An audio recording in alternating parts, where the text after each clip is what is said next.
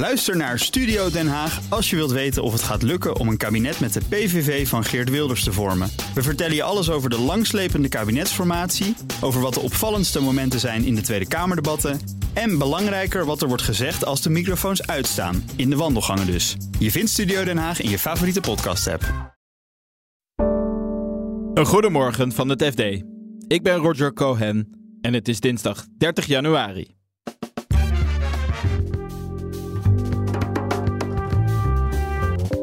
Philips en de Amerikaanse toezichthouder hebben een akkoord bereikt over een schikking. Philips mag voorlopig geen nieuwe apparaten verkopen in de Amerikaanse markt. Een hele belangrijke, lucratieve markt. Barsten in het Haagse formatieproces. Nu Wilders en Jezilgus met modder gooien. Dit weekend hintte hij al op uh, nieuwe verkiezingen als hij zijn zin niet zou krijgen. En boze Franse boeren zetten koers naar Parijs. Een van de grootste problemen waar je het over hoort is dat ze aan allerlei voorschriften moeten voldoen, onder andere uit Brussel. Dit is de dagkoers van het FD. Philips heeft een schikkingsakkoord bereikt met de FDA, de Amerikaanse toezichthouder, over de apneu-affaire. Het bedrijf verkoopt voorlopig geen apneumachines meer in de VS. Redacteur biotechnologie en farmacie Tjeu Vase vertelt wat er ook alweer aan de hand was met de apneuapparaten. Het probleem is dat die schadelijke stoffen kunnen uitstoten en patiënten kunnen daardoor gezondheidsschade oplopen. Sommige patiënten claimen zelfs dat ze kanker hebben gekregen van die apparaten. En wat Philips moet doen is veel betere kwaliteitscontrole, veel betere kwaliteitstoezicht. En de FDA gaat daarop toezien dat Philips dat soort afspraken nakomt. En gaat dit Philips geld kosten? Het gaat Philips zeker geld kosten. Dus over vorig jaar hebben ze al 363 miljoen apart gezet. Komend jaar gaat het nog extra geld kosten, maar het gaat hun ook geld kosten in de zin van verloren marktaandeel, verloren omzet. Want Philips mag voorlopig geen nieuwe apparaten verkopen in de Amerikaanse markt. Een hele belangrijke, lucratieve markt. Dus die omzet lopen ze ook mis. En ziet Philips dit toch als goed nieuws dat ze dit akkoord hebben bereikt? Zeker. Ze hebben er anderhalf jaar over gedaan om het te bereiken. Ze hebben er tegenaan gehikt. En het was wel een soort hindernis die Philips moest nemen om überhaupt te beginnen met het afhandelen van deze hele slepende en, en grote kwestie. Uh, dus Philips ziet het zeker als een, uh, als een mijlpaal. Het is nu maandagmiddag. Beleggers lijken nog niet zo heel blij, want de koers uh, ging flink naar beneden. Ja, hard naar beneden. Die opende 5% lager. En je zag eigenlijk in de loop van de dag dat de reactie negatiever werd. Normaal gesproken verwacht je zo'n schikking valt altijd goed. Hè? Eerder hebben we steeds gezien, onder kleine andere schikkingen die rond deze affaire hebben gespeeld, dat uh, beleggers vaak opgelucht reageren. Want ze denken van nou, hè, we kunnen weer naar de toekomst kijken. Streep eronder. Streep eronder, precies. Uh, en dat gebeurde nu niet. Ik denk dat daar twee oorzaken aan de grondslag liggen. Enerzijds is dat toch dat omzetverlies voor de komende jaren is best wel tikt aan. En de vraag is of Philips ooit nog zijn marktpositie kan heroveren in de Verenigde Staten. En dan gaat het om deze slaapapneu-machine. Ja, het is iets breder dan slaapapneu, want het gaat ook over beademingsapparaten. Eigenlijk alles van hun dochterbedrijf Respironics. En dat is substantieel, hè, best wel belangrijk. Maar daarnaast speelde nog iets anders, wat, wat kennelijk leidt tot een negatieve reactie bij een deel van de beleggers. En dat is dat Philips uh, al een aantal kwartalen op rij ziet dat het aantal bestellingen van zijn ziekenhuisapparaten afneemt. Dat staat eigenlijk los, zover we weten, van die slaapapneu-affaire. Maar gewoon de grote scanners, dus de, de, de, de echo-apparatuur, de MRI-scanners, de CT-scanners. Kennelijk loopt het aantal bestellingen daarvan terug. En nu zes kwartalen op rij. Dus dat voedt een beetje de twijfel. Hoe kan Philips eigenlijk wel de concurrentie aan met zijn grote uh, rivalen, uh, General Electric en Siemens Healthineers? Je hebt gesproken met de CEO, Roy Jacobs, die uh, sinds uh, ruim een jaar. Ja, orde op zaken probeert te stellen. Inderdaad. Orde op zaken probeert te stellen. Uh, wat is zijn verhaal als je dit aan hem voorlegt? Nou, hij ademt natuurlijk optimisme uit. En, en, en hij vertelt dat hij een reorganisatieplan wat hij een jaar geleden heeft ingezet, dat hij daar de vruchten van ziet, de vruchten van plukt. Dan kan hij ook wijzen op allerlei cijfers. we zien dat de omzetgroei aanzienlijk was. 7% over vorig jaar. We zien een herstel van de winstgevendheid. Ook belangrijk is de kaststroom. Een beetje technisch begrip misschien, maar tegelijkertijd wel belangrijk. Want Philips had een negatieve kaststroom. Dus dat betekende gewoon dat er geld het bedrijf uitging. En nu komt er weer geld netto in. Dus dat is een belangrijke mijlpaal. Maar ja, het doet natuurlijk niet af aan die twee andere aarzelingen bij, bij waarnemers en bij beleggers over uh, de, de kosten van die apneu-affaire en de innovatieve kracht van Philips. PVV en VVD doorbreken de stilte rond de formatie met sneren over en weer. Politiek verslaggever Martine Wolzak geeft ons een update over de gesprekken. Ik sprak haar maandagmiddag. De dag begon met een tweet van Geert Wilders uh, richting uh, zijn VVD-collega Dylan Jesilgus, waar die even later mee aan tafel zou schuiven. En noemde hij haar zuur. En uh, dit weekend hintte hij al op nieuwe verkiezingen als hij zijn zin niet zou krijgen bij de coalitieonderhandelingen. Jesilgus op haar beurt haalde op het VVD-congres in het weekend weer naar Wilders uit. dat hij met negatieve tweetjes, dat je daarmee verkiezingen kan, kan winnen. ja, nou ja, dat, zou je bijna de kwalificatie soap kunnen geven. En hoe verklaar je deze hardere toon? Het was heel lang was het echt heel stil. Hè? Uh, informateur Ronald Plasterk die heeft afgezegd van nou, ik wil radiostilte, zolang wij met elkaar praten. En het was ook echt heel stil, er kwam heel weinig naar buiten, het was heel gesloten. Meestal is dat een teken dat het redelijk goed gaat, of in ieder geval niet heel slecht.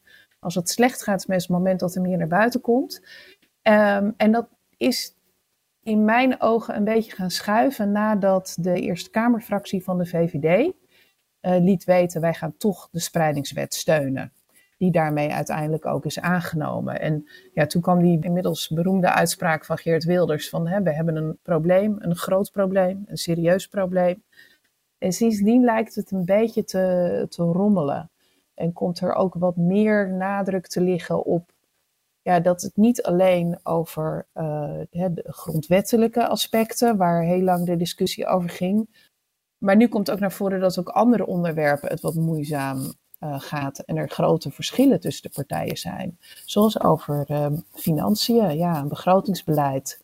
NSC en de VVD, ja, die houden toch wel van strikte begrotingsregels en het tekort en de schuld niet te veel op laten lopen. En de PVV heeft hele dure wensen. En daar twitterde Wilders uh, dit weekend ook over. Hij wil lastenverlichting voor alle burgers. Maar zonder dat dat gepaard gaat met grote bezuinigingen. Ja, en dat, uh, dat botst. Ja, er was ook een berichtje dat er um, een gebrek zou zijn aan financiële kennis bij de BBB, hè, vorige week in de Telegraaf.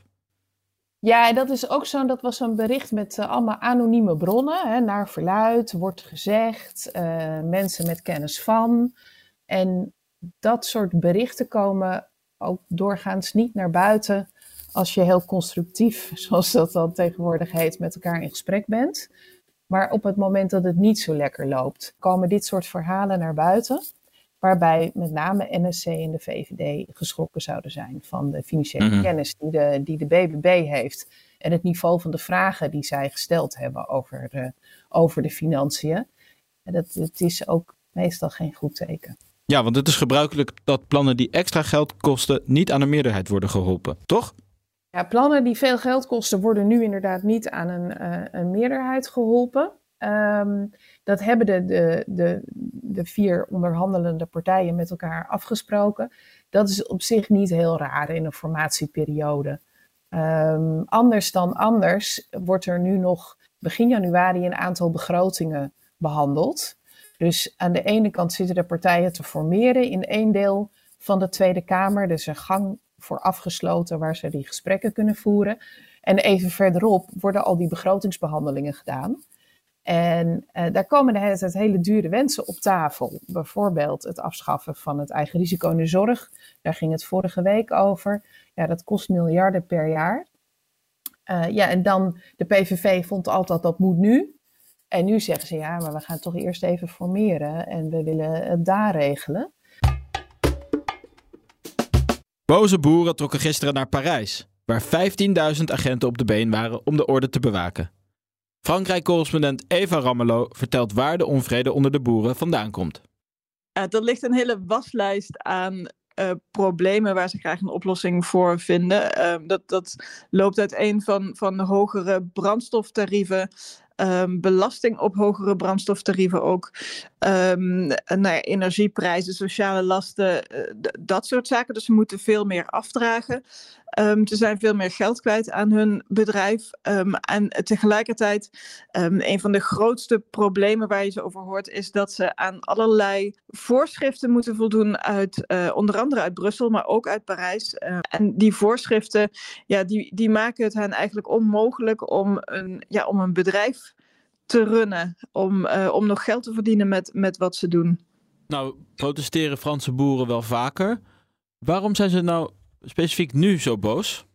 De directe aanleiding voor deze protesten is de verhoging van de belasting op landbouwdiesel. Um, die is inmiddels uh, van tafel, lijkt het. Maar, um, maar er is dus die hele trits aan, um, aan, aan uh, problemen die daaraan al vooraf ging. En inderdaad, Franse boeren protesteren vaker. Uh, ze zeggen nu van ja, we lopen echt op ons standvlees. En het is ook echt een heel groot probleem. Hè? Want um, een derde van die Franse boeren gaat voor 2030 met pensioen. Dus er komt een gigantisch tekort aan boeren aan. Een derde van de boeren die met pensioen gaat de komende jaren. Um, en tegelijkertijd, en dat maakt dit zo uh, bijzonder. Tegelijkertijd roept president Macron alsmaar op tot een autonome voedselvoorziening. Frankrijk moet voor zijn eigen voedselketen zorgen, niet afhankelijk zijn van het buitenland. Maar ja, ondertussen komen de boeren zelf dus niet rond. Oké, en hoe is de uh, reactie van de Franse regering onder, de, onder leiding van de nieuwe premier, Attal? Ja, die nieuwe premier die, die doet heel erg zijn best om het land in te gaan en met iedereen te praten. Daar is hij mee begonnen toen hij een paar weken geleden werd aangesteld. En dat heeft hij vorige week ook meteen gedaan. Hij is het land ingegaan naar die plekken waar als eerste gedemonstreerd werd. Met name in het zuiden van het land. Um, en um, ja, hij heeft ook de minister van Landbouw heeft hij daarbij betrokken. Ze, er is een aantal keer een noodoverleg geweest. Um, en uh, nee, die verhoging van de belasting op landbouwdiesel, die zou inmiddels van tafel zijn. Er wordt ook gekeken naar de wet die verbiedt om braakliggende grond te verbouwen. Dat is ook zo'n maatregel die is genomen in het licht van de, de biodiversiteit. Um, maar ja, die veel boeren natuurlijk dwars zit, want ze kunnen ja, stukken van hun grond niet gebruiken daardoor. Gisteravond ontving Macron de voorzitters van de boerenvakbonden. Um, en er is aangekondigd dat voor het eind van de week, en misschien zelfs vandaag al, meer maatregelen uh, zullen komen. Dat heeft de minister van Landbouw gezegd op maandag. Al de politieke partijen in Frankrijk die springen hier bovenop. Hè. Iedereen probeert daar een beetje um, ja, een slag uit te slaan, zou je kunnen zeggen, als je heel cynisch bent.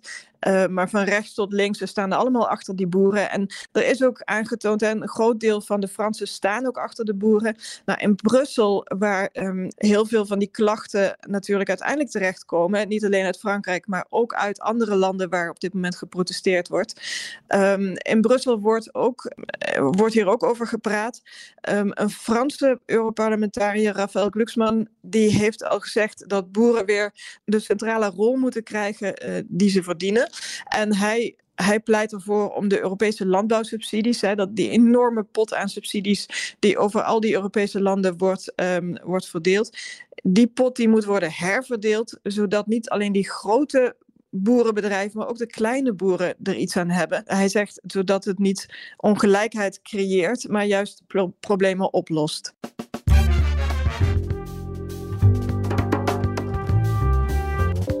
Dit was de dagkoers van het FD. Wil je onze verhalen niet alleen luisteren, maar ook lezen? Probeer dan het FD. Vier weken voor slechts 1 euro. Ga naar fd.nl/slash dagkoers en meld je aan. Morgenochtend zijn we er weer met een nieuwe aflevering. Nog een hele fijne dag en graag tot morgen.